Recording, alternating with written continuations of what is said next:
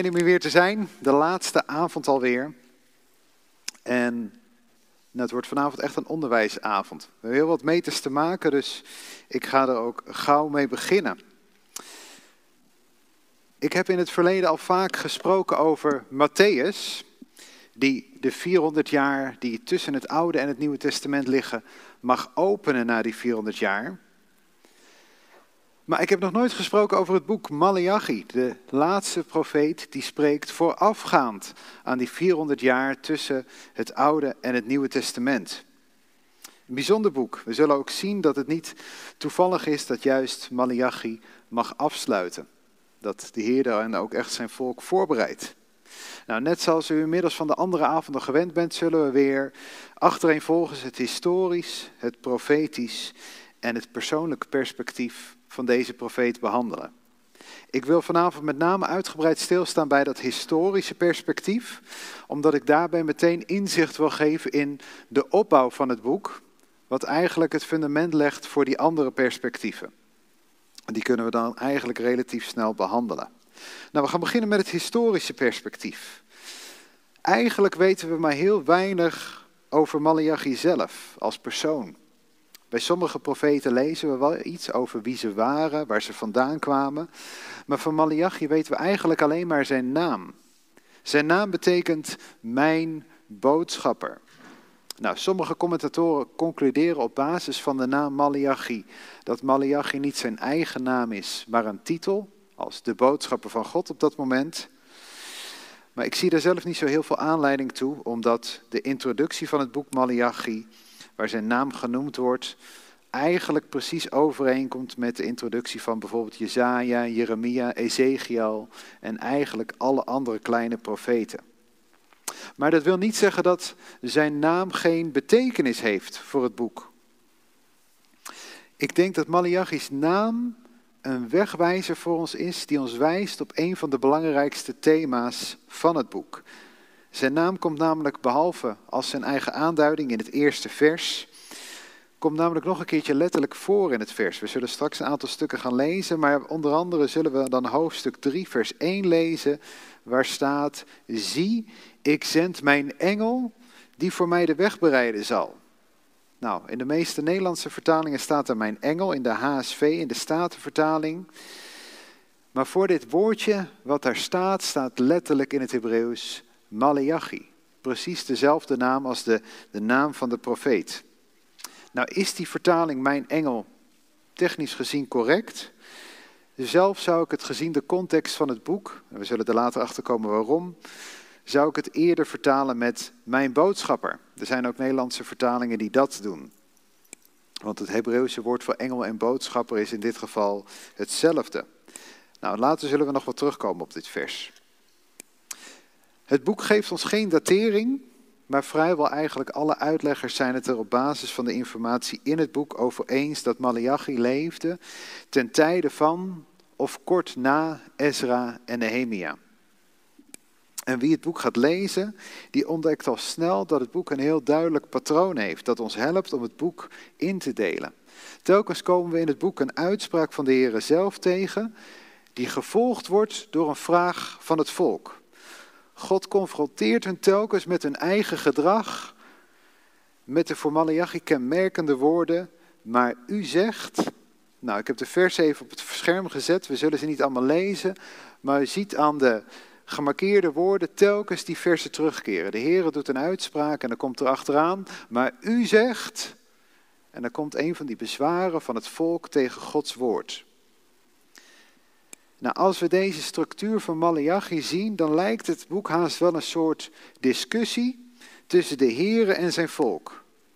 belangrijke opmerking daarbij is dat de mens nog zoveel kan zeggen, maar dat God zelf het laatste woord heeft in dit boek. Eigenlijk zou je het boek zo kunnen indelen. De versen verschillen soms hier wat, maar je zou het ongeveer in deze gesprekken kunnen indelen. Aan de hand van die woorden, maar u zegt.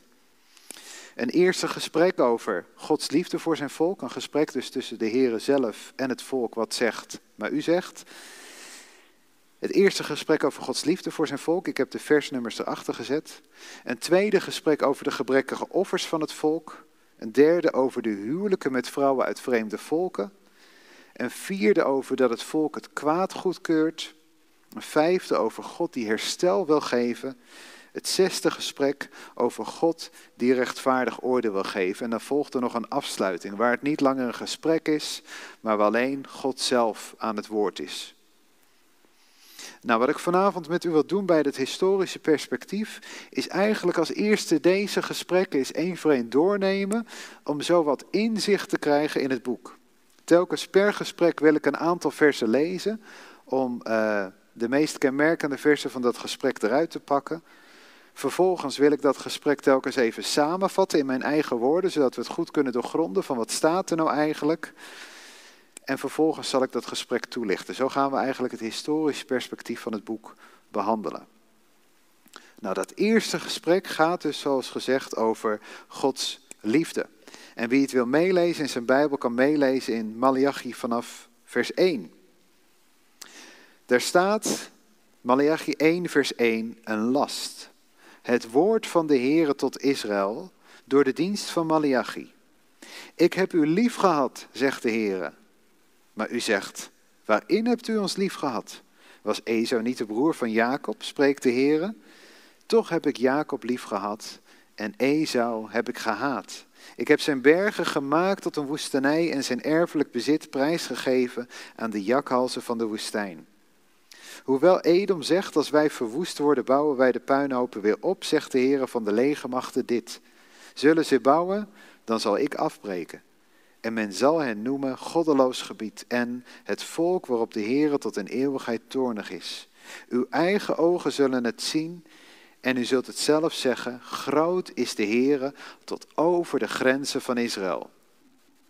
Nou, ik heb er op het scherm gelijk eigenlijk mijn eigen samenvatting door, ondergezet.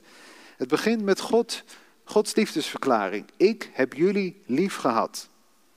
En Israël vraagt erop, waarin hebt u ons dan lief gehad? Waarop God hen antwoordt, ik heb jullie verkozen boven Esau en sterker nog, in de toekomst ga ik grote dingen voor jullie doen. Nou, God begint dus het boek, Bert zei het al, met een liefdesverklaring van God richting zijn volk. Mocht u er nooit bij stil hebben gestaan dat volk, God zijn volk lief heeft, inmiddels hoop ik dat u zo bij deze laatste lezing dat al wel door heeft gekregen, mocht u dat nog niet eerder hebben gehad.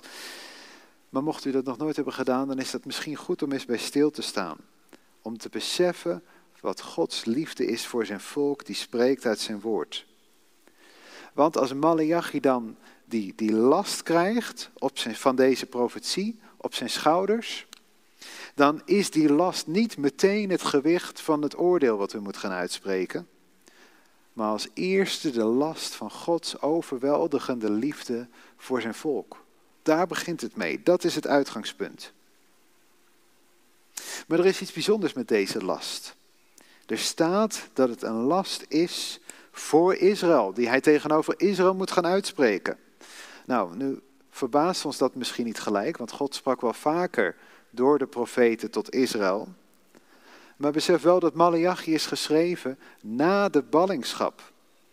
Ik weet dat sommige mensen zeggen dat het tienstammenrijk, Israël. Je hebt Juda, twee stammenrijk en tien stammenrijk Israël. Sommige mensen zeggen dat het tien stammenrijk Israël nooit is teruggekeerd uit de ballingschap. Maar alleen het twee stammenrijk. Maar Malachi hier na de ballingschap, die spreekt het volk heel duidelijk aan als Israël. Hij spreekt het volk weer opnieuw aan als één geheel. De Heere had dus deze twaalf stammen van Israël lief en spreekt tot hen als geheel. Maar dan komt het dan komt gelijk het bezwaar van het volk zelf. De eerste kritische vraag. Notabene op een liefdesverklaring volgt die vraag, maar waarin hebt u ons dan lief gehad? En als God dan zijn liefde gaat bewijzen, dan gaat hij heel ver terug. Helemaal naar de stamvader Jacob, wiens naam ook Israël was. Eigenlijk laat hij zien van al die tijd sinds de aartsvaders heb ik jullie lief gehad en heb ik mijn liefde aan jullie getoond. Vanaf het moment dat ik jullie vader Jacob uitkoos. En trouwens, God had hen notabene nog niet zo lang daarvoor teruggebracht uit de ballingschap. Ook zo'n bewijs van Gods liefde. Dat is Gods eerste reactie. Maar dan komt een stukje wat we vaak moeilijk vinden. Die zin, Jacob heb ik lief gehad, Esau heb ik gehaat. Nou, in het boek Genesis lezen we natuurlijk al dat God Jacob had voorbestemd om een plan mee uit te werken. Maar dat is nog niet meteen hetzelfde als liefhebben en haten. Eentje uitkiezen om een plan mee uit te werken. Nou geloof ik dan ook dat die keuze tussen de broers in Genesis niet gaat over eeuwig behoud of eeuwig verderf of over verkiezing in die zin. Nee, de keuze tussen die broers ging erom via wie God zijn verbond met Abraham wilde voortzetten. Sterker nog, God waarschuwt Israël in Deuteronomium 23, vers 7 heel expliciet om de nakomelingen van Esau, de Edomieten, niet te haten. Het is een directe opdracht van God tot het volk. Pas hier in het allerlaatste Bijbelboek van het Oude Testament lezen we eigenlijk voor het eerst echt over haat richting Esau en zijn nakomelingen, de Edomieten. Er is dus wel degelijk een haat richting het volk ontstaan vanwege hun daden, maar niet omdat God hen niet in de eerste plaats lief zou hebben. Nou, wat hadden ze dan gedaan, waardoor een reden was om, voor hen, om hen te haten? Onder andere deze dingen. Tijdens de uittocht uit Egypte lieten de Edomieten Israël niet door hun land trekken. Je kunt het nalezen, ik heb de vers op het scherm gezet in nummer 20. Hadad, de tegenstander van Salomo, was ook een Edomiet. Daarnaast hebben diverse andere koningen van Israël en continu strijd gehad met Edom. In Obadja kunnen we lezen dat toen de Babyloniërs Jeruzalem omsingelden en verwoestten uiteindelijk, dat de Edomieten bij de poorten van Jeruzalem stonden om Judese vluchtelingen notabene tegen te houden en te doden. En verder lezen we in Ezekiel dat Edom alleen maar handelde uit wraak richting Juda en zich alleen maar vijandig hadden gedragen tegenover hen. Dus er was inmiddels wel degelijk wat reden voor een haat richting Esau. De volksgenoten van Malachi op dit moment kenden Edom eigenlijk alleen maar als het volk dat had geprofiteerd van wat Israël en Juda aan narigheid was overkomen. En toch belooft God dat het in de toekomst anders zal zijn. Edom zegt misschien telkens weer dat ze hun puinhopen weer op zullen bouwen, maar God zal ook daarover zijn oordeel geven. God zal daar een einde aan maken, aan Edom die telkens weer zich vijandig gedroeg tegenover Israël. En God zal in plaats daarvan Israël gaan zegenen. Sterker nog, Israël zal Gods grootheid laten zien tot buiten haar grenzen, hebben we gelezen. En dat is eigenlijk hoe God op een ultieme manier zijn liefde voor Israël zal laten zien. Dat is een puntje waar we straks bij het profetisch perspectief nog op terug zullen komen over de betekenis daarvan. Voor nu gaan we naar het tweede gesprek. Dat tweede gesprek gaat over gebrekkige offers en de verachting van Gods naam. U kunt weer in uw Bijbel zelf meelezen in hoofdstuk 1 vanaf vers 6. Daar lezen we, een zoon eert zijn vader en een slaaf zijn heer. Als ik dan een vader ben, waar is de eerbied voor mij? En als ik een heer ben, waar is de vrees voor mij? Zegt de Heere van de legermachten tegen u, priesters die mijn naam verachten. Maar u zegt, waardoor verachten wij uw naam? Doordat u onrein brood op mijn altaar brengt. En u zegt, waardoor maken wij u onrein? Doordat u zegt, de tafel van de Heere die is verachtelijk. En als u een blind dier ten offer brengt, dat is niet erg. En als u een kreupel of ziek dier ten offer brengt, dat is niet erg. Bied het maar eens aan uw landvoogd aan. Zou hij u goed gezind zijn of u ter wille zijn? Dit zegt de Heere van de legermachten. Om het weer even te doorgronden, vat ik het weer samen. God zegt eigenlijk tegen het volk: Waar is jullie eerbied en jullie vrees voor mij? De priesters van het volk verachten mijn naam. En dan antwoordt Israël: Hoe verachten wij u dan? En dan zegt God: Doordat jullie kreupelen en zieke dieren aan mij offeren, in plaats van het volmaakte dier, het uh, zonder tekortkomingen. Ook dit tweede gesprek, ondanks dat het een hele harde boodschap heeft, het gesprek, begint toch weer heel liefdevol. God presenteert zich om te beginnen als een vader en een heer voor Israël. Als ik een vader en heer voor jullie ben, waar is dan jullie eerbied en vrees voor mij? Jullie, en God heeft het daar specifiek tot de priesters van het volk, jullie verachten mijn naam. En dan, alsof als de mens zich van geen kwaad bewust is, is het antwoord, waardoor verachten wij dan uw naam? Doordat jullie onrein brood op mijn altaar brengen, zegt God. En dan volgt er een vraag die haast nog brutaler is dan de eerste. Waardoor maken wij u onrein? Ziet u wat hier gebeurt? De onreinheid van het altaar, doordat de Israëlieten de onrein brood brengen, die onreinheid, die straalt als het ware af op God zelf. Op een heilig en rein God. Zijn altaar wordt besmet. Mensen brachten kreupelen en zieke dieren om te offeren, terwijl God had opgedragen in de wet dat dat dieren zonder gebrek moesten zijn. Je moest eens proberen zo'n geschenk aan je eigen leiders aan te bieden, zegt God. En dan zegt de Heer dat iets dat ons misschien bekend in de oren klinkt. Malachi 1, vers 9.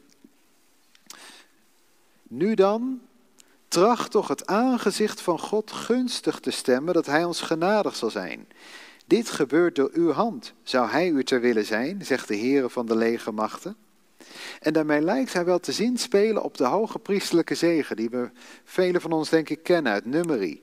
Die zegen die begint met de Heere, doe zijn aangezicht over u lichten en zij u genadig. Ziet u dat zowel dat aangezicht van de Heere hier terugkomt, als de Heere die hen genadig wil zijn. Nou, als we deze hoge priesterlijke zegen helemaal af zouden lezen, dan sluit die af met dat Aaron en zijn zonen met die zegen de naam van de Heer op de Israëlieten moesten leggen. God wilde letterlijk zijn naam aan het volk verbinden. Zijn naam moest op het volk gelegd worden door die zegen. Waarom? Zodat alle volken van de aarde dat zouden zien. Wie God is. Door zijn volk heen. Want dat was tenslotte Gods, Gods doel met Israël. Om zijn grootheid door en heen te laten zien.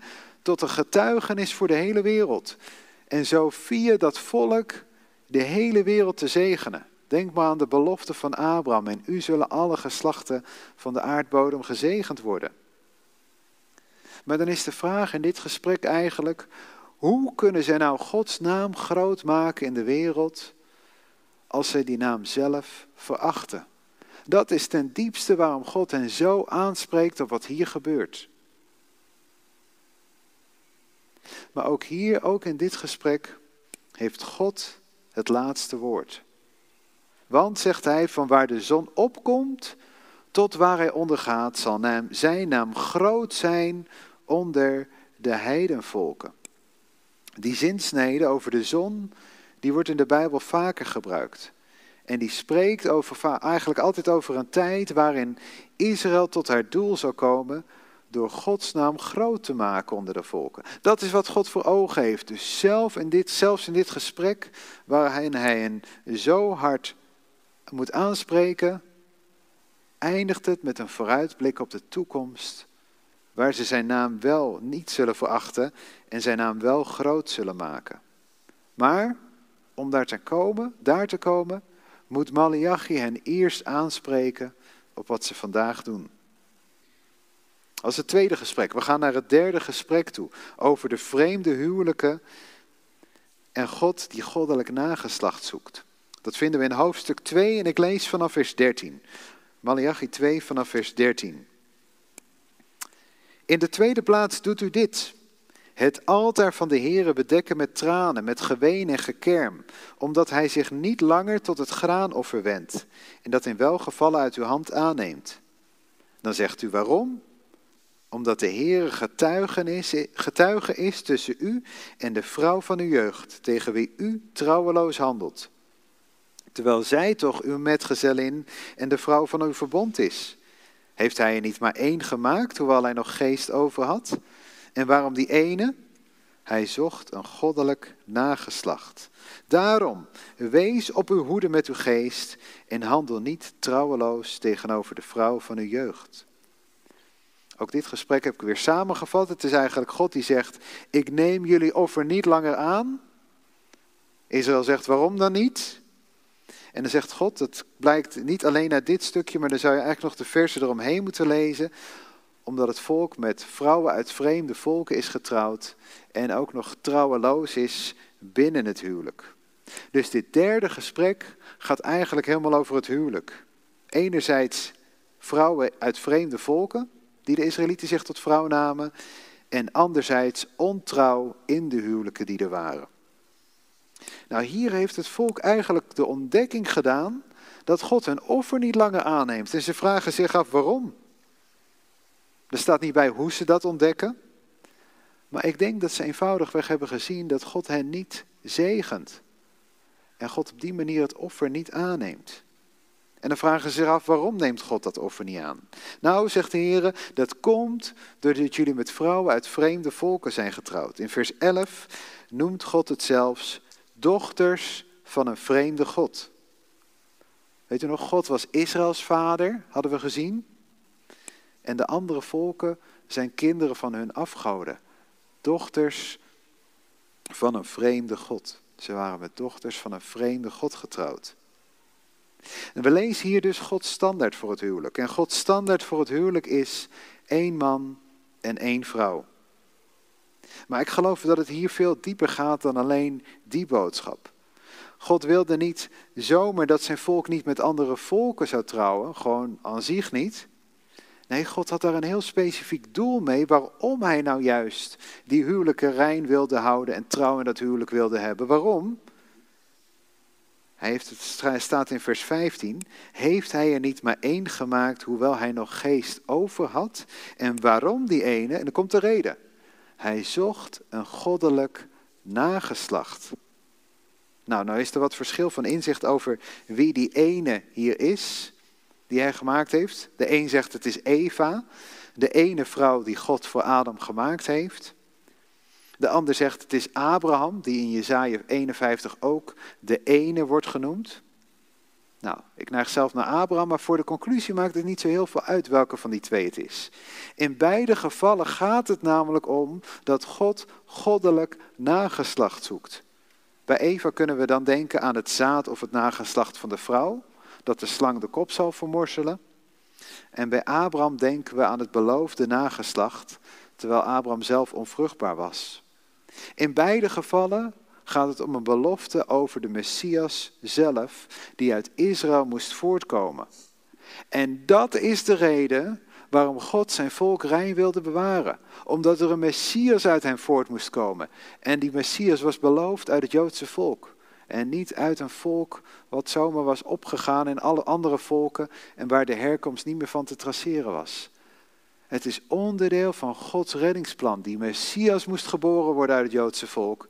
En daarom moesten ook de huwelijken van zijn volk rein bewaard worden. Hij had een doel, hij had zijn oog op de toekomst ermee gericht. Op die Messias die moest gaan komen. Op zijn reddingsplan.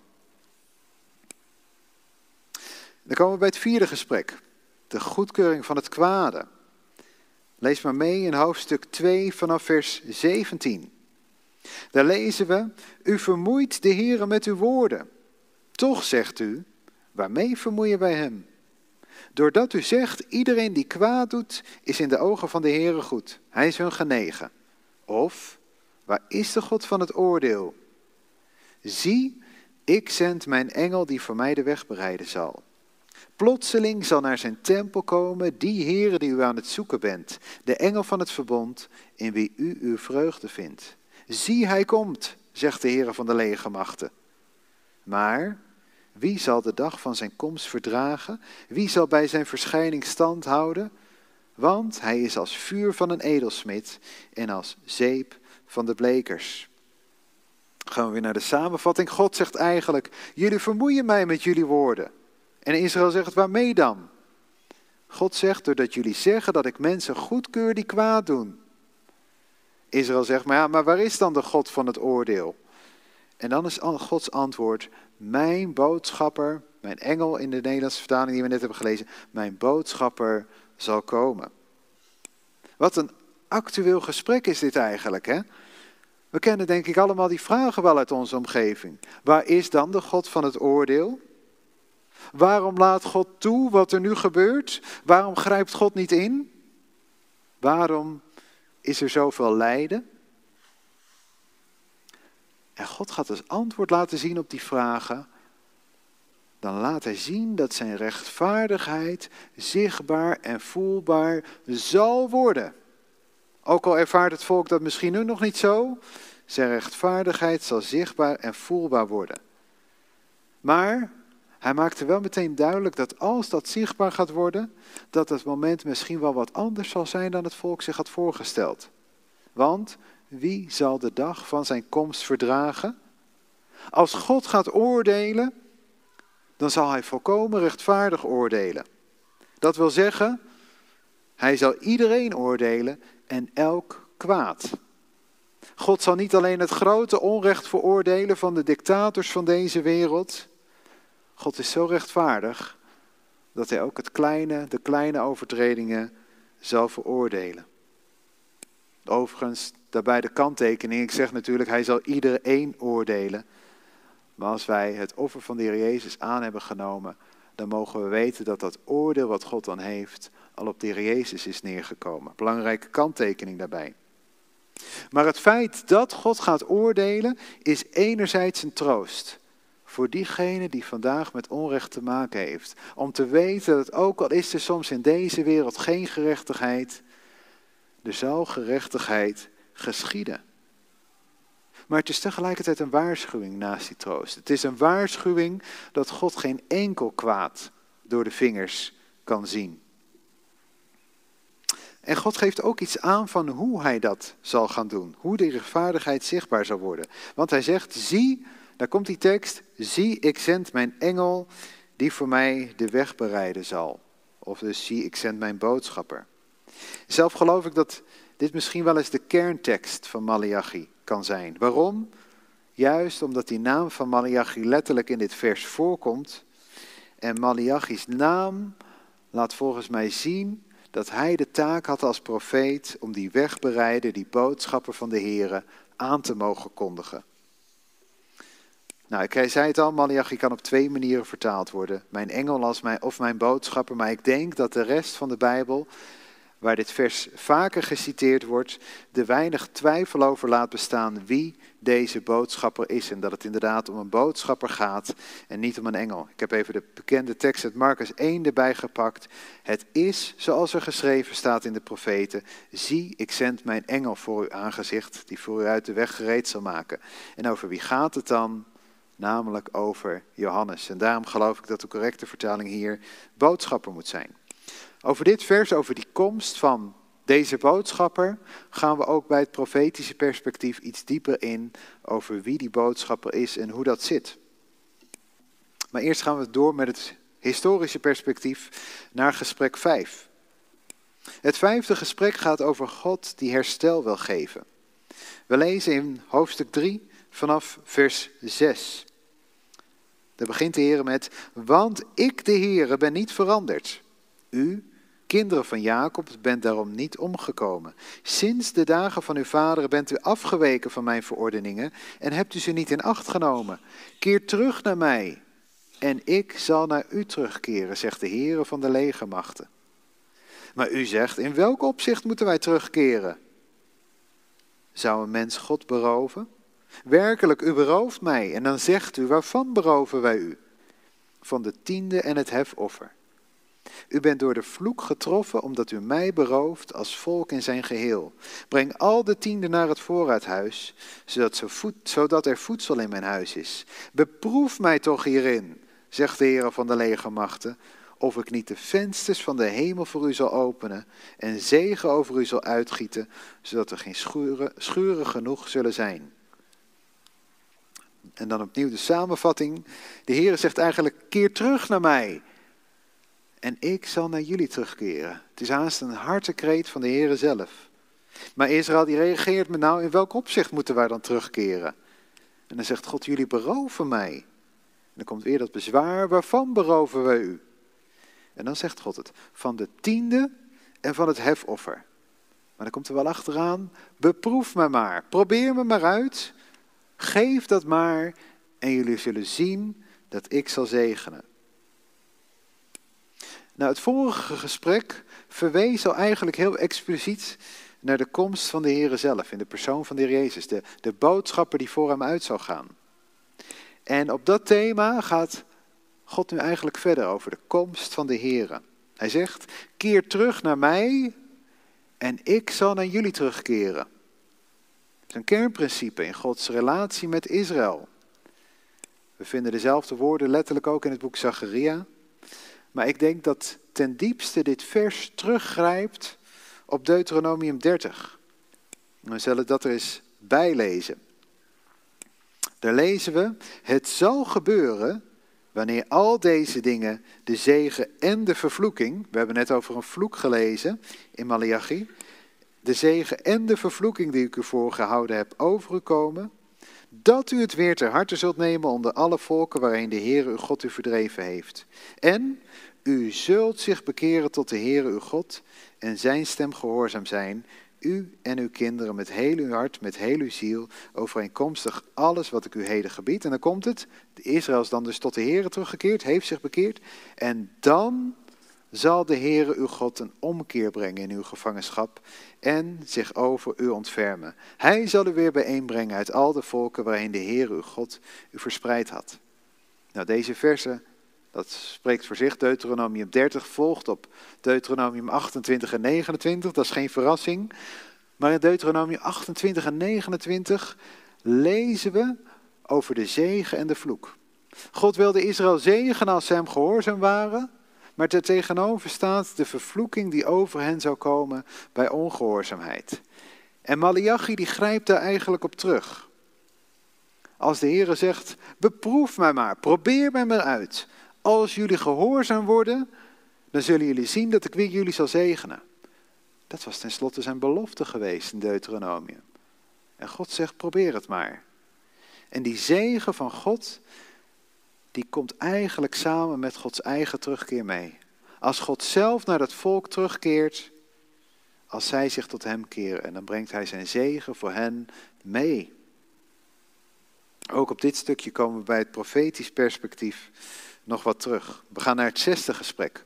God wil rechtvaardig oordeel geven. En ik lees in hoofdstuk 3 vanaf vers 13.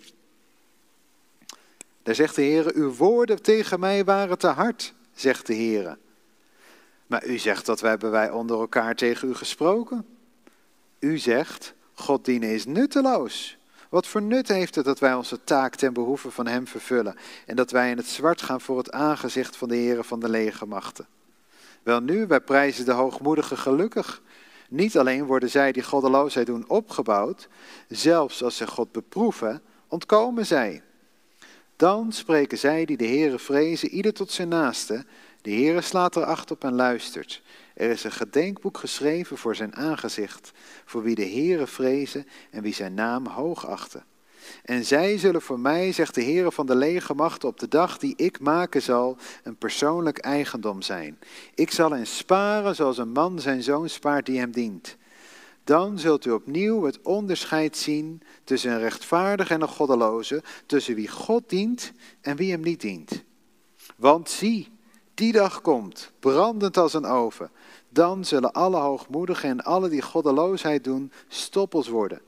En de dag die komt, zal ze in vlam zetten, zegt de Heere van de legermachten, die van hen wortel nog tak zal overlaten.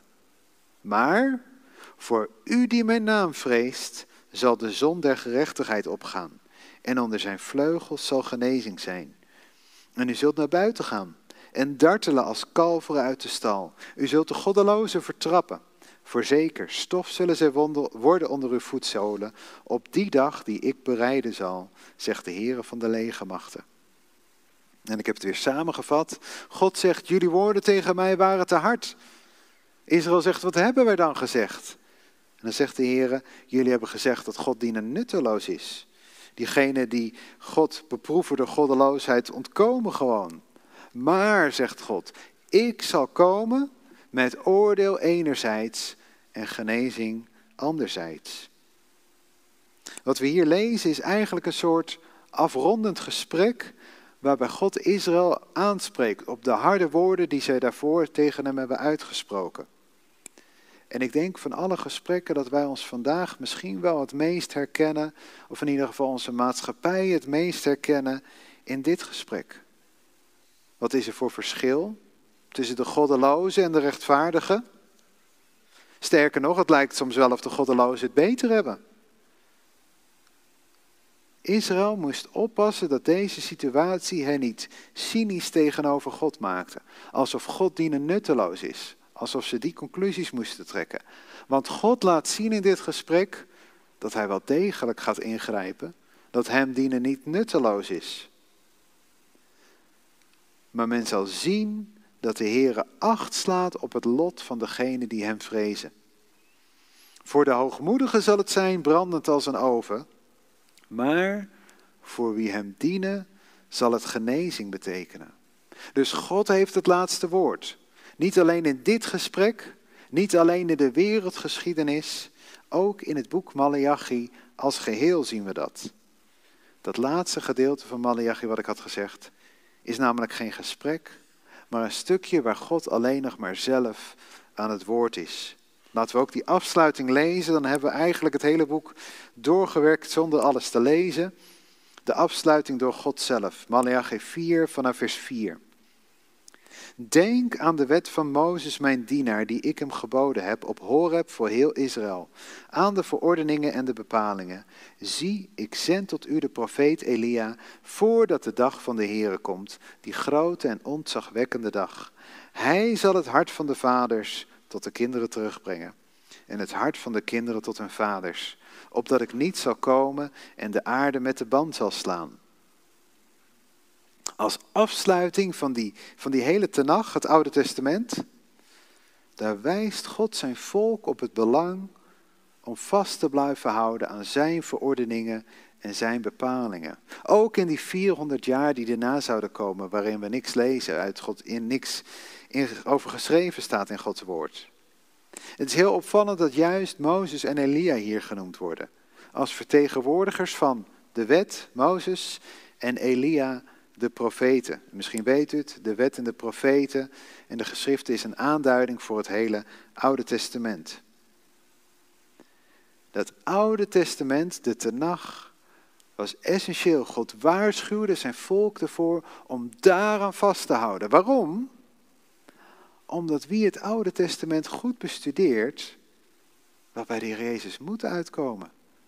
Als het volk daaraan had vastgehouden en de Jezus was gekomen en ze hadden het naast elkaar gelegd, dan hadden ze het gezien. Dit hele Oude Testament is één wegwijzer naar Hem. één afbeelding van Hem. En dan hadden ze Hem kunnen aannemen. In het hele Oude Testament zien we beschreven over de Jezus.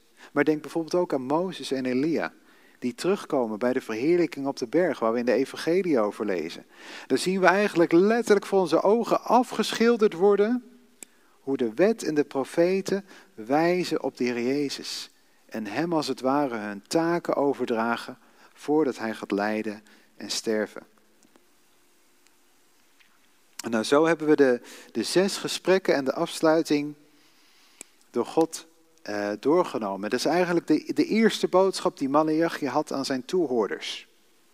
Nou, ons volgende onderdeel voor vanavond is natuurlijk het profetisch perspectief. En voor degenen die goed hebben opgelet, die hebben al gemerkt dat er al heel wat profetische elementen voorbij zijn gekomen. Dingen die wijzen op de toekomst. Bij elk gesprek wat we hebben gelezen, heeft God het gehad over vandaag. Tenminste, wat voor vandaag was voor de toehoorders van Malachi. Maar telkens zegt de Heer gelijk iets over de toekomst, over datgene wat gaat komen. En dat zegt iets over Gods genade en over zijn liefde. Ondanks dat hij in Malachi hele harde woorden over zijn volk moet uitspreken, laat hij telkens een stukje hoop voor de toekomst zien. Ik heb eens even in een overzicht samengevat van die gesprekken waar God telkens op wijst. In dat eerste gesprek hebben we gelezen dat God Israël Gods grootheid zal laten zien tot buiten haar grenzen. In het tweede gesprek hebben we gelezen over dat van waar de zon opkomt tot waar hij ondergaat, Gods naam groot zal zijn onder de heidevolken. In het derde gesprek hebben we gelezen over God die een goddelijk nageslacht zoekt. In het vierde hebben we gelezen dat God zijn boodschappen stuurt die voor hemzelf de weg zal bereiden. In het vijfde gesprek die oproep, keer terug naar mij en ik zal naar jullie terugkeren. In het zesde gesprek dat er oordeel en genezing zullen komen op die dag. En in, het, in de afsluiting hebben we gelezen over Elia, die komt voor de dag van de Here. Nou ga ik niet elk gesprek nog een keer behandelen bij het profetisch perspectief. Wat ik wil doen is eigenlijk drie grote thema's ervan die telkens terugkeren uitlichten. En dat zijn allereerst Elia, ten tweede de dag van de Here en als derde Gods grootheid die zichtbaar zal zijn tot buiten de grenzen van Israël. We gaan beginnen bij Elia. We zijn twee teksten tegengekomen in de gesprekken die spreken over de boodschapper. En ik denk dat dat ook meteen de bekendste versen van Malachi zijn. Namelijk, zie, ik zend mijn boodschapper, die voor mij de weg bereiden zal. Malachi 3 vers 1.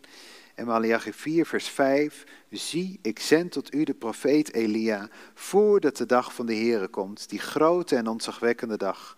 Hij zal het hart van de vaders tot de kinderen terugbrengen en het hart van de kinderen tot hun vaders, op de niet zal komen en de aarde met de band zal slaan. Nou, als we vragen over wie gaat deze profetie, dan denk ik dat we allemaal al snel geneigd zijn te antwoorden met Johannes de Doper. Dat is degene over wie het gaat. En er zit denk ik waarheid in, in die uitspraak. Maar ik denk dat als we de schrift goed bestuderen, dat het iets gecompliceerder ligt dan dat. En ik zal het uitleggen. Inderdaad, deze versen uit Malachi worden in het Nieuwe Testament meerdere keren geciteerd als het over Johannes de Doper gaat. Zowel bijvoorbeeld door de engel Gabriel bij de aankondiging van Johannes' geboorte, als door de Heer Jezus zelf. Maar wat opvalt is dat als Johannes er zelf naar gevraagd wordt, dat hij het ontkent.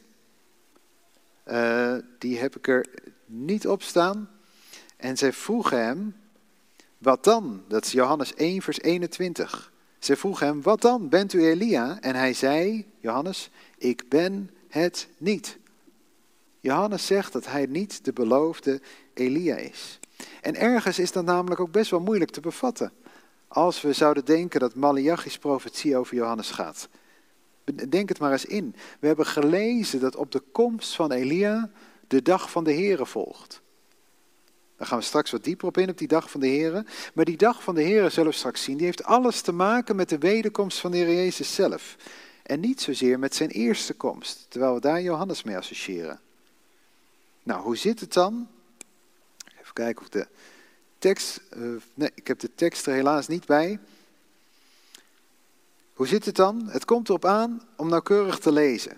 Matthäus 11, vers 13. Daar zegt de Heer Jezus dit over Johannes. Matthäus 11, vers 13. Want al de profeten en de wet tot Johannes toe hebben, hebben tot Johannes toe geprofeteerd. En dan komt dat, zegt de Jezus, als u het wilt aannemen, hij is Elia die komen zal. En ik leg bewust de nadruk op die woorden, als u het wilt aannemen. Er is dus een voorwaarde. Als het volk het had aangenomen, dan was Johannes de beloofde Elia. Dat is eigenlijk wat de Heer Jezus zegt. Dus als zij de prediking van Johannes en van de Heer Jezus hadden geaccepteerd, dan was deze profetie van Malachi in vervulling gegaan. Als u het wilt aannemen. Nou, waarom zo'n ingewikkelde constructie? Ik denk dat dat alles te maken heeft met het doel van Elia als heraut van de Heer Jezus. We hadden gelezen dat hij het hart van de vaders tot de kinderen zal terugbrengen en het hart van de kinderen tot hun vaders. Dat is het doel van de prediking van die, die toekomstige Elia, noem ik hem maar even. Dat is best, best wel abstracte zin. Wie zijn de kinderen hier in deze zin en wie zijn de vaders? Nou, Malachi die gebruikt het woord kinderen heel duidelijk voor het volk Israël eerder in zijn boek. Kinderen van Jacob. En hij gebruikt het woord vaders voor de stamvaders van Israël. Lees me mee. Ik, de Heere, ben niet veranderd. U, kinderen van Jacob, bent erom niet omgekomen. Sinds de dagen van uw vader, hebben we eerder gelezen in Malachi. Dus kinderen gaat over het volk Israël in het boek Malachi. En vaderen gaat over de aartsvaders volgens mij. En Lucas, die geeft nog wat verder uitleg bij dit vers. Lucas schrijft het volgende in Lucas 1, vers 17. Hij, dat Johannes, zal voor hem, de Jezus, uitgaan in de geest en de kracht van Elia, om het hart van de vaderen te bekeren tot de kinderen. En dan zegt hij wat anders dan Malachi zei. En de ongehoorzame tot de bedachtzaamheid van de rechtvaardige, om voor de Heer een toegerust volk gereed te maken. Hier heeft hij het niet alleen over kinderen en vaders, maar ook over ongehoorzame en rechtvaardigen. En dat sluit precies aan bij het volk dat het volk, dat het gaat over de volk, het volk en de stamvaders. Malachi richt zich tot een ongehoorzaam volk. En de stamvaders van Israël zijn juist de rechtvaardigen. Denk maar aan Abraham, wie die in de Bijbel het voorbeeld van, bij uitstek is van de rechtvaardige. Omdat hem rechtvaardigheid, gerechtigheid was toegerekend. De bedoeling was eigenlijk dat het volk, net zoals hun vaderen, net zoals Abraham, dat geloof zouden hebben waardoor hun gerechtigheid werd toegerekend, waardoor ze rechtvaardiger zouden worden. Dat ze als het ware terug zouden keren naar dat geloof van Abraham. Dat is volgens mij wat die, die boodschapper die voor de Heer Jezus uitging, moest doen. Dat het volk dat geloof van hun vader Abraham zou aannemen. En vandaar natuurlijk ook die, die uitspraak in Malachi. Keer terug naar mij en ik zal naar u terugkeren. Als dat zou gebeuren, als het volk zou terugkeren tot de Heer, dan zou de Heer ook een toegerust volk aantreffen, wat hun vertrouwen en hun geloof op Hem stelde. En dan zou Hij hen niet met de ban hoeven slaan bij zijn komst. Nou, we weten allemaal dat het volk ten tijde van Johannes niet als geheel tot geloof is gekomen. En ook niet ten tijde van de Heer Jezus daarna. We weten ook dat de dag van de Heer nog niet is aangebroken. Dus wat ik geloof, is dat dit vers nog ten volle in vervulling moet gaan. Johannes had alle eigenschappen om de beloofde Messias te zijn, of de beloofde, excuus, de beloofde Elia te zijn, als het volk, hem zou aan, als het volk zijn prediking zou aannemen. Maar daar was die voorwaarde, ze hebben hem niet aangenomen.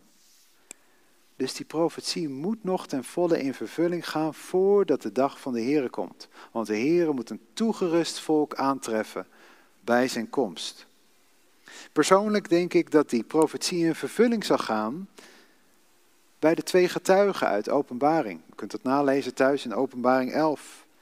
En ik zeg dat wat met enige voorzichtigheid, want in Openbaring 11 worden niet de namen van Elia en Mozes genoemd. Maar wie Openbaring 11 nauwkeurig leest, ziet dat zij wel precies, die twee getuigen dan, precies de tekenen doen die Mozes en Elia ook deden. Dus vandaar dat ik geloof dat die profetie daar ten volle zijn vervulling zal vinden. Dat het volk alsnog tot geloof zal komen en de Heer een toegerust volk zal aantreffen. Nou, hoe het ook zij, of dat de vervulling zal zijn of niet, één ding weten we zeker, is dat God zijn volk wil voorbereiden op zijn komst. Op de komst van de Heer Jezus zelf. En dat de Heer er alles aan wil doen dat hij een toegerust volk zou aantreffen. Want dat is zijn wens, zijn hart. Dat zij tot hem terugkeren. Zodat hij hen tot hen kan terugkeren en hen kan zegenen. Niet voor niets begint het boek met die liefdesverklaring. Want dit is waar God naartoe wil werken. Dan komen we bij de dag van de Here. Die komen we meerdere keren in Malachi tegen, al wordt hij niet telkens letterlijk zo genoemd. We lezen over de dag van zijn komst, de dag die ik maken zal, die dag, de dag die komt. En we lezen een keer letterlijk over de dag van de Here. Nou, ik realiseer me heel goed dat die dag van de Here een vrij uitgebreid begrip is, wat we vanavond niet helemaal kunnen behandelen. Maar ik wil heel kort toelichten wat het in ieder geval wel en niet is. U zou het eigenlijk thuis eens met de concordantie of met goede bijbelsoftware op moeten gaan zoeken. Die term, de dag van de Heren. En gewoon eens nagaan, wat staat er allemaal geschreven over de dag van de Heren. En u zult er met name bij de profeten uitgekomen. Nou, u zult een aantal dingen ontdekken. dat het bijvoorbeeld geen dag is van 24 uur, zoals wij het woord dag gebruiken, maar een periode. Ik zal benoemen waarom. Jezaja, die gebruikt een begrip parallel aan de dag van de Heer. En die heeft het dan over het jaar van de afrekening. Dus die gebruikt zomaar om de dag van de Heer aan te duiden, gebruikt hij ook de term jaar. Heel het boek Openbaring, moeten we maar eens in Openbaring 1 lezen, speelt zich af op de dag van de Heer.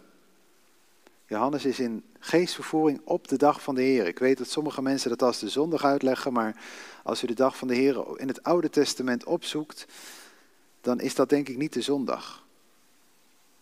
In Openbaring staan diverse gebeurtenissen beschreven die in zichzelf al meer dan een dag duren. De, de tijd, tijden en een halve tijd. De 1200, ik weet het exact niet, 1260 dagen uit mijn hoofd. Die duren sowieso langer dan die ene dag. Dus het moet langer duren. En ergens hoeft het ook niet te verbazen, want in het Hebreeuws wordt dat begrip dag net zo goed gebruikt om een beslissende gebeurtenis mee aan te duiden. Ik heb even een paar voorbeelden genoemd. Midiansdag, de dag van Israël, de dag van benauwdheid, de dag van zijn reiniging. Dat gaat niet over letterlijke dagen van 24 uur noodzakelijk. Het gaat over een beslissende gebeurtenis. Over terzijde, hiermee zeg ik niet dat we de scheppingsdagen in Genesis niet letterlijk moeten nemen. Daar in Genesis staat er heel expliciet telkens een telwoord voor elke dag. De eerste, de tweede, de derde, vierde. En we lezen over ochtenden en avonden, morgen uh, ochtend geweest. Dus daar moet het wel over 24 uur gaan. Dat is in de Bijbel eigenlijk altijd zo. Als het woord dag wordt gebruikt met een telwoord ervoor, dan gaat het eigenlijk altijd over een dag van 24 uur. Zo kunnen we het makkelijk uit elkaar houden. Nou, verder zien we dat de dag van de Here niet alleen geen dag is van 24 uur, dus een langere periode. Dat de dag van de Here een tijd is van oordeel, van wraak en van toorn. Als u de concordantie erop naslaat, dan zult u ook zien dat de climax van die dag van de Here de komst van de Here zelf is. Oftewel de wederkomst van de Heer Jezus. En eigenlijk hebben we dat al in Malachi gezien. Het is dan ook met recht de dag van de Here. Niet de dag van deze wereld of de dag van de mens. Maar het zal de dag zijn waarop zij macht en heerlijkheid getoond wordt. Of dat nu is in, in het oordeel, de wraak en de toorn, waar zijn macht in is te zien. Of zijn heerlijkheid in zijn eigen komst. Het zal gaan om de Here zelf. Nou, natuurlijk heeft deze dag van de Heer alles te maken met wat we net hebben besproken over Elia. De komst van Elia is bedoeld om het volk voor te bereiden op deze dag. Niet voor niets zegt Johannes tegen de Fariseeën: Wie heeft u laten weten dat u moet vluchten voor de komende toorn? Johannes de Doper waarschuwde ook al voor die komende toorn. De dag van de Heere die toont ons dus Gods macht heerlijkheid, heiligheid en rechtvaardigheid. En dat is indrukwekkend. Maar tegelijkertijd mogen we zien in Malachi het feit dat de Heere zijn volk voorbereidt op die ontzagwekkende dag. Dat dat zijn vaderhart toont, dat dat zijn liefde voor het volk toont en dat het zijn genade toont. Hij komt niet zomaar met zijn wraak en oordeel. Hij bereidt zijn volk voor daarop, zodat ze zich kunnen bekeren. En daarin zien we Gods genade. In gesprek 6 hadden we gezien dat men zei dat God dienen nutteloos is, omdat het de goddeloze toch wel beter gaat dan de gehoorzame. Nou, het antwoord van de Heer op dat bezwaar is de dag des Heren. Er zal wel degelijk oordeel, wraak en toorn komen over alles wat onrechtvaardig was in deze wereld. En tegelijkertijd zal de komst van de Heer Jezus genezing betekenen voor diegenen die zijn naam vrezen. Komen we bij het derde profetische thema. En dat is Gods grootheid tot buiten de grenzen van Israël. Op een aantal punten lezen we in verschillende bewoordingen ook weer over God, die grootheid van God. We hebben het gelezen in Malachi 1 vers 5. Groot is de Heer tot over de grenzen van Israël, dat men dat zal zien. We hebben gelezen over dat van waar de zon opkomt tot waar hij ondergaat, Gods naam groot zal worden. En dat alle heidenvolken in hoofdstuk 3, vers 12, alle heidenvolken Israël gelukkig zullen prijzen, want ze zullen een aangenaam land zijn. Nou, in deze verse ligt eigenlijk de bestemming van Israël opgesloten. Ik had het al genoemd, hè? Abraham was geroepen omdat in hem alle geslachten van de aardbodem gezegend zouden worden. En die belofte die zal compleet vervuld worden als de Heer Jezus vanuit Jeruzalem gaat regeren als koning van Israël. Dan zal werkelijk Gods grootheid over de hele wereld zichtbaar worden. En zo zullen de volken daarin gezegend worden. Als Heer Jezus vanuit Israël en met Israël gaat regeren. Zo zal die zegende zijn voor de volken. Dus ja, de koning van Israël, maar zichtbaar tot buiten de grenzen van Israël. En de heidenvolken zullen hen gelukkig prijzen. Dat is de bestemming van Israël. Eigenlijk zien we in deze drie thema's een hele beknopte versie van de toekomst van Israël. We hebben gezien over, gelezen over Gods voorbereiding van zijn volk door die boodschapper die gaat komen, door Elia. We hebben gezien, de, gelezen over de dag van des Heren, met als climax de wederkomst. En wat daarop volgt is het Messiaanse Rijk, waarin de Heer Jezus zal regeren vanuit Jeruzalem. Zo in deze drie thema's een hele beknopte versie van de toekomst van Israël. En als we daar zo naar kijken, dan mogen we zien dat God zijn volk niet loslaat. Maar het benadrukt ook het belang van bekering. Niet voor niets wil God zijn volk voorbereiden op die dag. Ze moeten tot geloof komen voordat de Heer Jezus terugkomt. Die woorden van Malachi, keer terug naar mij en ik zal naar u terugkeren. Nou, tot slot wil ik stilstaan bij het persoonlijk perspectief. We zagen al bij verschillende gesprekken hoe sommige van deze gesprekken uit Malachi eigenlijk vandaag plaats hadden kunnen vinden. Tekst als deze. U vermoeit de Heer met uw woorden, doordat u zegt, iedereen die kwaad doet is in de ogen van de Heer goed. Waar is de God van het oordeel? Tekst als die, over waarin God tegen Israël zegt dat ze hem vermoeien met hun woorden. En, hun woorden, en als God tegen Israël zegt dat ze hem vermoeien met hun woorden en hun woorden tot hem te hard zijn, dan is het ook van belang dat wij dat niet alleen tegen Israël laten zien, maar dit was, had Malachi aan Israël geschreven. Het is ook goed om erin nog soms eens bij onszelf te raden gaan. Malachi stelt ook ons de vraag wie wij zijn om God ter verantwoording te roepen. We leven in een maatschappij waar gezag steeds minder erkend wordt. En dat zien we ook in onze relatie met God terug. Natuurlijk, we mogen met al onze vragen bij God komen. Begrijp me niet verkeerd. Ook met de moeilijke en heftige vragen mogen we naar God toe gaan. En Hem daarop bevragen als we het moeilijk hebben in ons leven. Met de pijn en ons verdriet en onze twijfels mogen we bij Hem komen.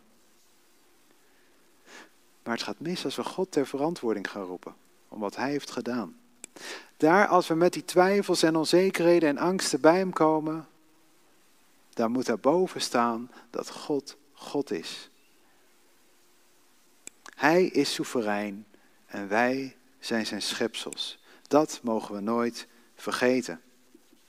En tegelijkertijd, als ik dat zeg, doet dat niets af aan Gods liefde en genade. Voor ons of voor Gods volk Israël. Ook dat hebben we in Malachi gezien. Want zelfs al wordt Israël in deze gesprekken telkens door God op een plaats gezet, toch klinkt in elk van die gesprekken Gods liefde door en zijn wens om hen een hoopvolle toekomst te geven. Nou, uit het besef dat God soeverein is, volgen ook die andere punten. De Israëlieten verachten Gods naam doordat ze alleen offerden wat blind en kreupel was.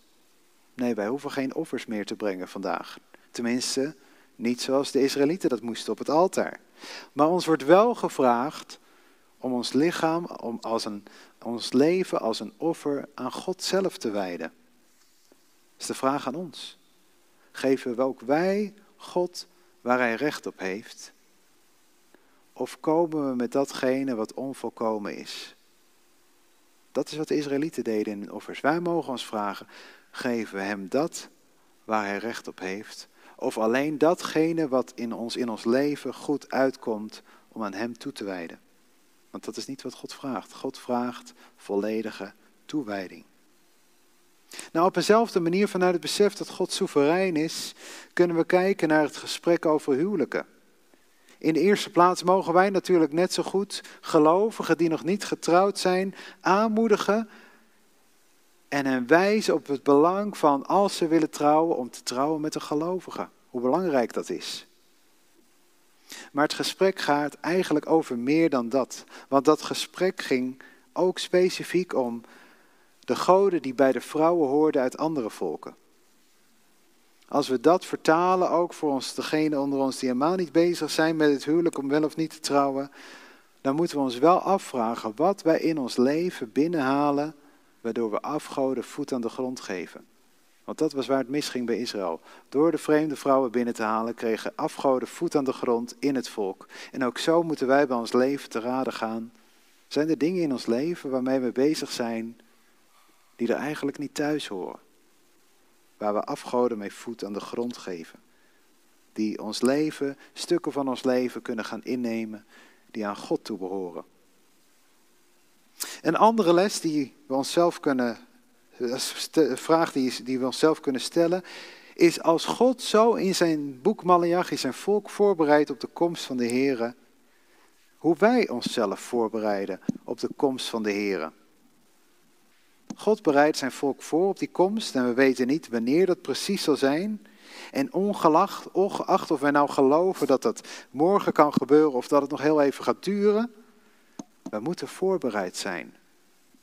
We moeten leven met een houding alsof het morgen kan gebeuren. God wilde dat het Joodse volk zich tot Hem zou keren. En over die schouders van het volk heen klinkt die oproep ook aan ons. Allereerst natuurlijk als we het offer van de Heer Jezus niet kennen, om dat aan te nemen. Maar ik ga ervan uit dat er vanavond hier weinig zijn die dat offer nog niet hebben aangenomen. Maar als we dat offer hebben aangenomen van de Heer Jezus, dan is het taak om een leven te leiden wat daarbij past. Door het boek Malachi spreekt God zijn volk onder andere aan op een halfslachtige godsdienst aan hem. Ook wij moeten die vraag bij ons stellen. Of we inderdaad onze levens aan hem toewijden. Of we ons ook zo op die manier leven, op een manier die voorbereid is op de komst van de Heer. En de laatste les die ik daar over Malachi wil meegeven, sluit er nou bij aan. Het besef dat elke dag die God ons hier nog geeft, aangeeft dat wij die dag een taak nog hebben voor Hem. God bereidde zijn volk voor door Malachi en door Johannes. En hij zal zijn volk weer voorbereiden door de dienst van Elia. Als God zijn volk zo voor wil bereiden vanuit de liefde voor hen, ook aan ons de vraag, willen wij daar ook een rol in spelen? Brengen wij ook zijn boodschap vandaag om het Joodse volk daarop voor te bereiden. Het Joodse volk, zoals Malachi Johannes dat deed en Elia zal doen, maar natuurlijk net zo goed ook anderen voor te bereiden op die komst van de Heer. Omdat we elke dag die ons gegeven hebben nog een taak is om ons leven tot eer van Hem te leiden en Zijn getuige te zijn voordat Hij komt. Nou, dan tot slot. Dit is natuurlijk niet alleen de afsluiting van het boek Malachi, maar ook de afsluiting van deze serie. En ik had het laatst met mijn collega Christian op kantoor over onze algemene indruk van deze serie. En wat ons opviel is dat je soms, dan begin je een boek te lezen, een van die kleine profeten, en dan denk je, hoe gaat dit nog goed komen? Wat een ellende, wat een oordeel.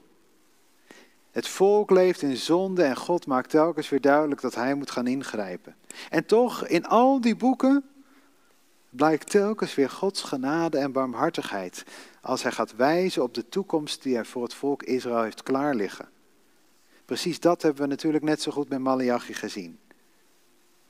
Toch, in elk gesprek waar oordeel is, wordt er soms een luikje, hoe klein soms ook, geopend richting de toekomst die God voor hen heeft. Weet u, wij denken wel eens dat de profetische boeken alleen Gods plannen voor de toekomst voorzeggen. Maar profeten vertellen in de eerste plaats Gods boodschap voor de mensen. En een van die doelen van Gods boodschap is ook altijd dat men vandaag in actie komt. Denk maar aan die woorden bekeer u, waar wij het over hadden, die we tot en met Johannes de Doper tegenkomen. maar ook bij de oud-testamentische profeten. Bij Malachi hebben we gezien dat zelfs de nadruk ligt op het handelen van het volk in die tijd. Kenwerkend waren die woorden, maar u zegt. En telkens, toch wanneer God hen aanspreekt, dan wordt die blik op de toekomst gegeven. God roept hen op, verander je houding, want dit is wat ik voor jullie klaar heb liggen. Dit is waar ik jullie op voor wil bereiden. En ik denk dat dat ook een oproep aan ons is. Ja, het gaat in de kleine profeten telkens over het volk Israël. Maar we mogen weten, juist in deze tijd, dat wanneer God gaat ingrijpen voor zijn volk, dat het verandering teweeg zal brengen voor de hele wereld. Met alles wat er vandaag de dag om ons heen gebeurt, geven de profeten ons houvast en stip aan de horizon. De wereldleiders van deze tijd, hoe machtig ze soms ook lijken, ze zullen nooit het laatste woord hebben. De wereldleiders van deze tijd zijn een, een voetnoot in de geschiedenisboeken van God. Want uiteindelijk is er maar één wereldleider die ertoe zal doen in de eeuwigheid. Is de Jezus zelf. Die recht en gerechtigheid zal brengen. Wat God voorzegd heeft, zal gebeuren. Zijn grootheid zal zichtbaar worden tot buiten de grenzen van Israël. Hij zelf zal zorgen dat het gebeurt. Geprezen zij zijn naam daarvoor. Amen. Mag ik u voorgaan in een uh, dankgebed? Trouwe God en Vader, God van Abraham, Isaac en Jacob, God van Israël. Heer, we hebben in al die kleine profeten over u gelezen, over de God van Israël. Heer, we hebben gezien ook weer vanavond wat een liefde u heeft voor uw volk. Dat u daarmee zelfs inderdaad het boek opent. Heer, dat u eenvoudig zo'n duidelijke liefdesverklaring voor uw volk neerzet. Ondanks alles wat ze fout deden, alles wat er verkeerd ging, is dat waar u mee begint. En dat is ook waarmee u eindigt, met die blik op de toekomst. Heer, we willen u danken dat we enerzijds mogen weten dat u een volkomen rechtvaardig God bent. En dat al het onrecht in deze wereld op een dag geoordeeld zal worden. Maar dank u ook dat u ook die liefdevolle God en Vader bent. Heer, die barmhartig is, die genadig is. Heer, dat we mochten zien dat u dat voor Israël bent.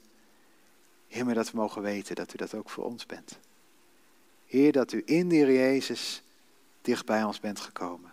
Dat u, Jezus, bereid was zelf af te dalen. Want we weten dat als wij lezen over wat er verkeerd ging bij Israël, dat wij geen haar beter zijn. En Heer, daarom willen we u loven en prijzen. Heer, dat we ons eenvoudig in geloof tot u mogen wenden. En dat u ons die gerechtigheid wil schenken, net zoals u bij Abraham heeft gedaan. Op basis van het offer van de Heer Jezus. Heer, we willen u danken dat u ons ook zoveel van uw plannen heeft openbaard. Vanavond in Malachi, maar ook in al die andere kleine profeten. Dat u, de grote God, de schepper van hemel en aarde, uw gedachten bekend wilde maken aan ons kleine mensen. Zelfs uw plannen wilt laten zien. En Heer, we raken daarop nooit uitgestudeerd, maar wilt u ons helpen om daar telkens weer naar terug te gaan, te lezen. En wilt u daardoor zelf tot onze harten spreken en ons het doen begrijpen. Heer, willen u vragen, wilt ons ook helpen om ook deze dingen die we geleerd hebben een plek te geven in ons leven vandaag. als we onze blik hebben gehad op de toekomst, dat we mogen beseffen dat dat ons een verantwoordelijkheid geeft, die kennis, voor vandaag. Heer, we willen u danken dat u daarin ook uw genade laat zien. Heer, dat u ons wilt gebruiken, maar dat u ook deze wereld elke dag die u nog geeft, genadetijd wil geven. Tijd om tot u te komen. Heer, en dat u het dan zo Zoals u zo liefdevol zegt tegen uw volk, keer terug naar mij en ik zal naar u terugkeren. Dat we dat mogen weten, dat een ieder die zich tot u keert, Heer, dat u dicht bij hem zult komen, in uw Zoon, die Jezus. Daar willen we u verloven en prijzen. En we willen u danken dat we mogen weten dat u altijd het laatste woord heeft, wat er ook om ons heen gebeurt. Dank u wel daarvoor. Amen. Daarmee zijn we aan het einde gekomen van deze serie lezingen. Ik vond het heel bijzonder om zo zelf de kleine profeten door te gaan, een boek te behandelen, te horen en te zien hoe anderen dat doen. Maar tot slot iets uitzonderlijks, wat ik niet zo snel doe, maar boeken promoten. Maar we hebben afgelopen week een bijzondere tijd gehad en er zijn twee boeken binnengekomen. We hebben uitgegeven met uitgever Gideon, waar ik persoonlijk toch uw aandacht voor vraag. Eén is geschreven door mijn collega Jacqueline Lohman. En dat worden tien getuigenissen van jonge Israëli's in beschreven, die de Jezus als een Messias hebben leren kennen. En wat heel bijzonder is, is dat het getuigenissen van vandaag zijn. Ook in Israël verandert de maatschappij en het boek geeft heel duidelijk inzicht in de maatschappij van vandaag. Er een getuigenis in van een Russische Jodin, van een Ethiopische, van, en zo van allerlei schakeringen uit de Israëlische maatschappij. En bij elk getuigenis staat achtergrondinformatie over de Israëlische maatschappij. Dus heel mooi om zo de Messiaanse gemeenschap van vandaag te leren kennen, maar ook de Israëlische maatschappij van vandaag. Ik heb ze bij me, uh, voor wie ze zou willen kopen, die zijn uh, over te nemen. Deze is 1495.